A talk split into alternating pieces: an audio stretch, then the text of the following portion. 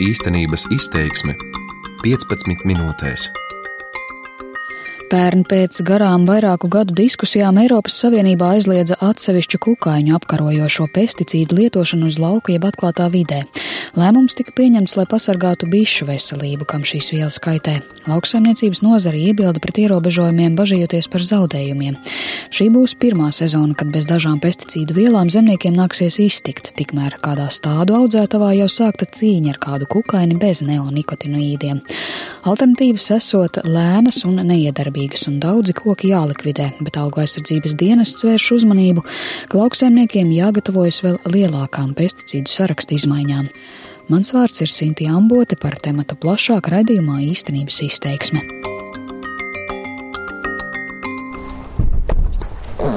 Kurā pusē? Mēs ar tujām maz nodarbojamies, bet tā kā cilvēki apstādījumiem meklē arī skujiņus, kas nav tikai tūja, kaut ko savādāk, tad mēs tā kā vairāk specializējamies uz priedēm. Nu, lūk, un cietru priedi labu laiciņu skatījās mums tā kā viens no tiem ejošajiem. Tas ir stādu audzētājs Andrejs Vītoliņš. Jelgavas novada svētas pagastā dzimtas saimniecībā Dīmzes ir 20 hektāri, kas sadalīti daudzos dažādos tādu laukumos. Pie viena no tiem, kā audzē ar nozāģētiem jaunajiem kokiem, tās ir slimās ciedru priedes. Šajā gadījumā mūs ir skārusi skārus priežu hermes. Mēs varam ļoti labi, ārā, kur jau var labi redzēt, jau paši pirmie, bet nu, viņi ļoti daudziem ir. Priežu hermes izceļās ar to, ka viņi ļoti labi redzams tādas tā kā baltas pūciņas, un tas faktiski ir uh, Izskatās pēc sekas. ne? Tā varētu ne? Mazliet, bet varbūt pēc sniega tas izskatās vairāk. Un, uh, tās ir faktiski sekas nelielam kukainītim, kurš ko dara. Viņš sūc. Nu, sūds, augu sulu, viņš dzīvo stumbrā. Kas notiek? Augs novājinās. Stādu audzētavā auga aizsardzības līdzekļus te ir nelietojot. Varbūt reizi piecos gados, saka Vītoliņš.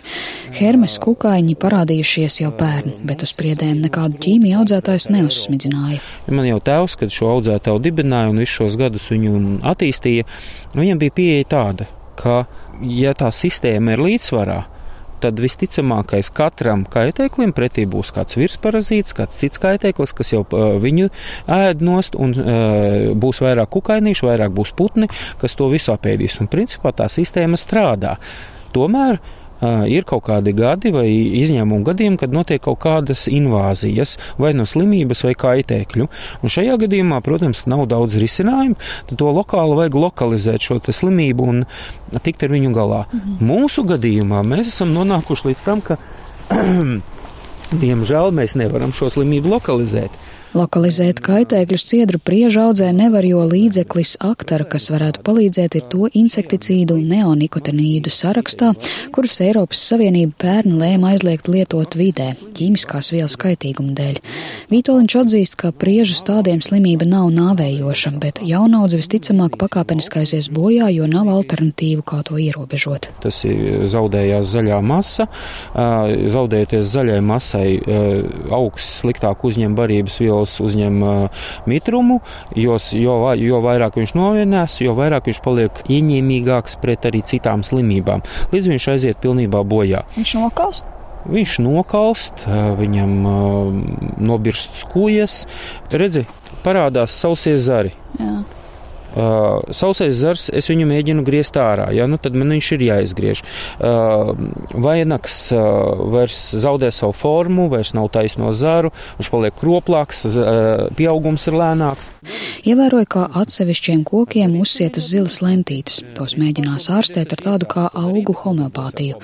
Te kopumā ir ap 300 priežu, nozāģējot visu zaudējumu būs ap 6000 eiro, kas it kā saimniecībai nav tie lielākie. Taču tirgu auga pieprasījums pēc kadiķu un priežu stādiem, tādēļ slimos kokus izzāģēja pakāpeniski cerībā, ka daļa atkopsies. Mēģināšu dot varības vielas, mēģināšu varbūt griezt ārā šos vairāk cietušās vietas, staigāšu un varbūt kvēpināšu kadiķīšus, un tas arī ir viss, un, un, un mierināšu viņus ar tekstu, ko var būt, ka zinātnieki radīs kādu līdzekli, kas jums palīdzēs šiem augiem. Andrejs Vītoliņš ir arī tādu audzētāju asociācijas vadītājs un vērtē, ka auga aizsardzības līdzekļu ierobežojumi mainīs arī pašmāju audzēto tādu piedāvājumu tirgū. Šobrīd tā līdzekļu izņemšana no aprites notiek nedaudz par strauju par politizētu, netiek radīti mazāk vidi ietekmējoši līdzekļi. Pie jauniem līdzekļiem es tikšu tikai pēc desmit gadiem. Nu, varbūt notiks brīnums, pēc pieciem gadiem kaut kas parādīsies. Līdz ar to nu, man šobrīd ir jāatsakās no šo priežu audzēšanas. Un, eh, faktiski tā arī ir izēja. Un eh, nevelti tās spriedzes ir izplatītas kaut kādā konkrētā areālā. Un, ja mēs tagad ieviešam simts un vienu dažādas jaunas, tad nebrīnamies, kad viņas vairāk arī cieš no šiem kaitēkļiem, slimībām. Tad varbūt jāatsakās no šīm superdekoratīvajām lietām. Eksotiskajām Un atgriežamies pie nu, tā dabiskā, pie tās pašas mūsu parastās spriedzes, kas arī cieš maza būdama no šīm slimībām, gan arī hermes un no citām, bet jau mazliet mazākā mērā. Ar kaitēkļiem apsēstot ciedru priežu audzētājs konsultējies arī ar auga aizsardzības dienestu, kas esot apliecinājis, ka hermes ir agresīvs kaitēklis un dabiskā veidā augs no tā var atbrīvoties tikai ļoti labvēlīgu apstākļu sakritības dēļ. Dienesta integrētās auga aizsardzības daļas vadītāja Anitra Leistlande saka, ka neonikotinoīdiem ir alternatīvas kaitēkļu ierobežošanai, bet ne likvidēšanai. Augu aizsardzības līdzekļi ir ātrais risinājums jebkurā situācijā, kad savairojies kāds kaitīgais organisms. Bet ir citas neķīmiskās alternatīvās metodes, ar kurām gana veiksmīgi var uh, ierobežot kaitēkļus. Tā tad ir virkne profilaktisko pasākumu, ir uh, mehāniskie, fiziskie, agrotehniskie pasākumi, kurus uh, veiksmīgi ieviešot savos sējumos un stādījumos. Ir iespējams noturēt kaitīgu organismu tādā līmenī, ka viņš neietekmē ražu. Viss ir atkarīgs arī no konkrētā kaitēkļa, šoreiz hermes attīstības. To ietekmē klimatiskie apstākļi, ja būs vēss un mitrs laiks, tas savērosies mazāk un priedēm būs mazāks kaitējums. Leslanda uzskaita, ka efektīvu alternatīvu šobrīd nav arī kartupeļu kaitēkļu, drātstārpu ierobežošanai, kāpostu mušas apkarošanai, kā arī ir riski skujkoku meža stādu audzētavās kaitēkļa smecernieka apkarošanai. Trīs neonikotinīdi, diametoksāms, imidakloprīds un klotienidīns, tad sākot no šīs sezonas, ir lietojami tikai slēgtās platībās, tātad siltumnīcās. Turklāt ierobežojumi nosaka, ka augam, kuru apstrādā ar minētajām pretkaitēkļu vielām, siltumnīcā ir jāatrodas visu dzīves ciklu, to nevar pārstādīt ārā un arī kodinātas sēklas nevar sēt laukā, stāsta dienesta speciālists Vents Ezers.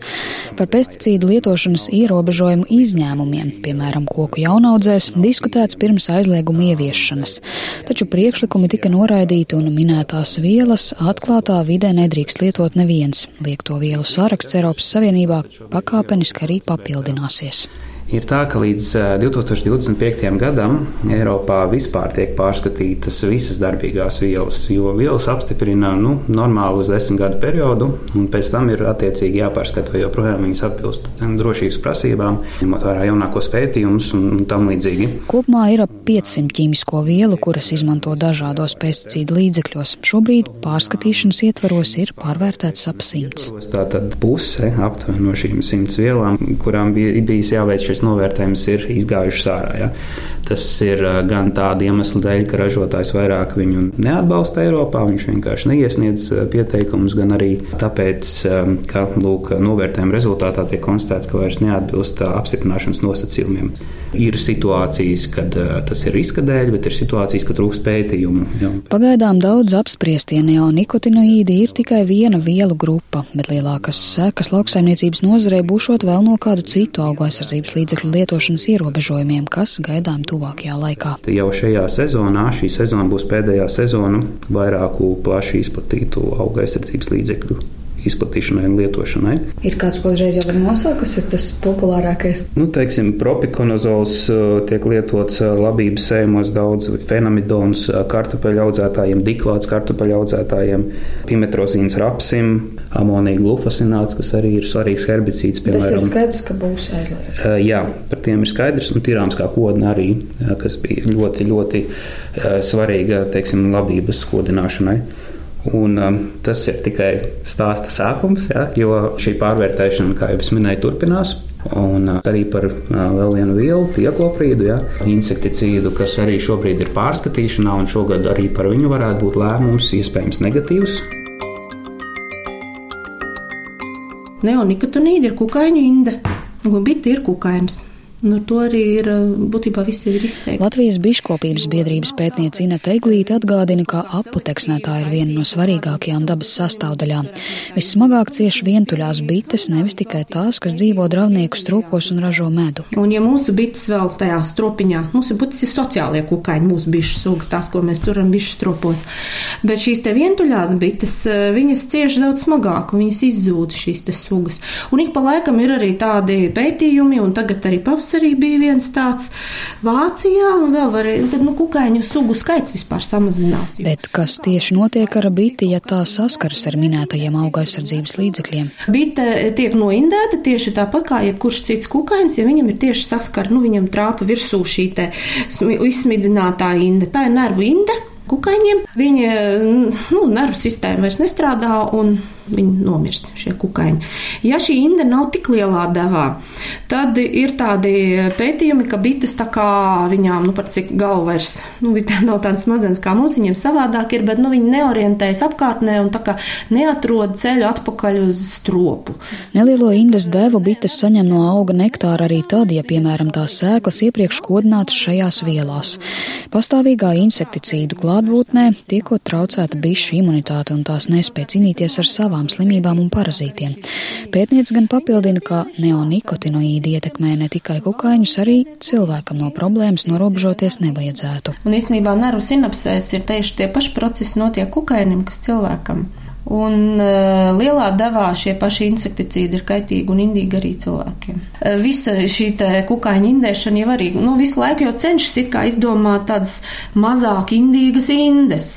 Kādreiz tas DDT, slavenais pulveris, viņš ir mūžīgs laikam, jo viņu atrod joprojām, viņš nesadalās. Nu, tagad eh, cenšas radīt tādus, ka viņi tā kā ātrāk sadalās, nu tā kā nav tik eh, kaitīgi nepaliktu vidē un tāds, bet vienalga tā ir rinda. Mēs atbalstam vienmēr jebko, kas to mēģina ierobežot un saprātīgi lietot un, un visas tādas iniciatīvas biškopības biedrība atbalsta. Un tad mēs dabūjam, nu jā, traucēt citiem biznesā nav tā un nav šitā. Bet um, nu, es par bitēm. Šobrīd atsevišķos medus paraugos atrodamas atliekvielas vienai no insekticīdu vielām - tiekloprīdam, ko dienests jau pieminēja kā nākamo aizliedzamo sarakstā. Es um, biškopības biedrību pa laikam analizē medus paraugs un nu, atrod arī nu, viens no neonikotinīdu grupas ir tiekloprīds. Parasti nav pārsniegts maksimāli pieļaujamais atliekvielu līmenis bet tādas nelielās devās konstatēt viņu var.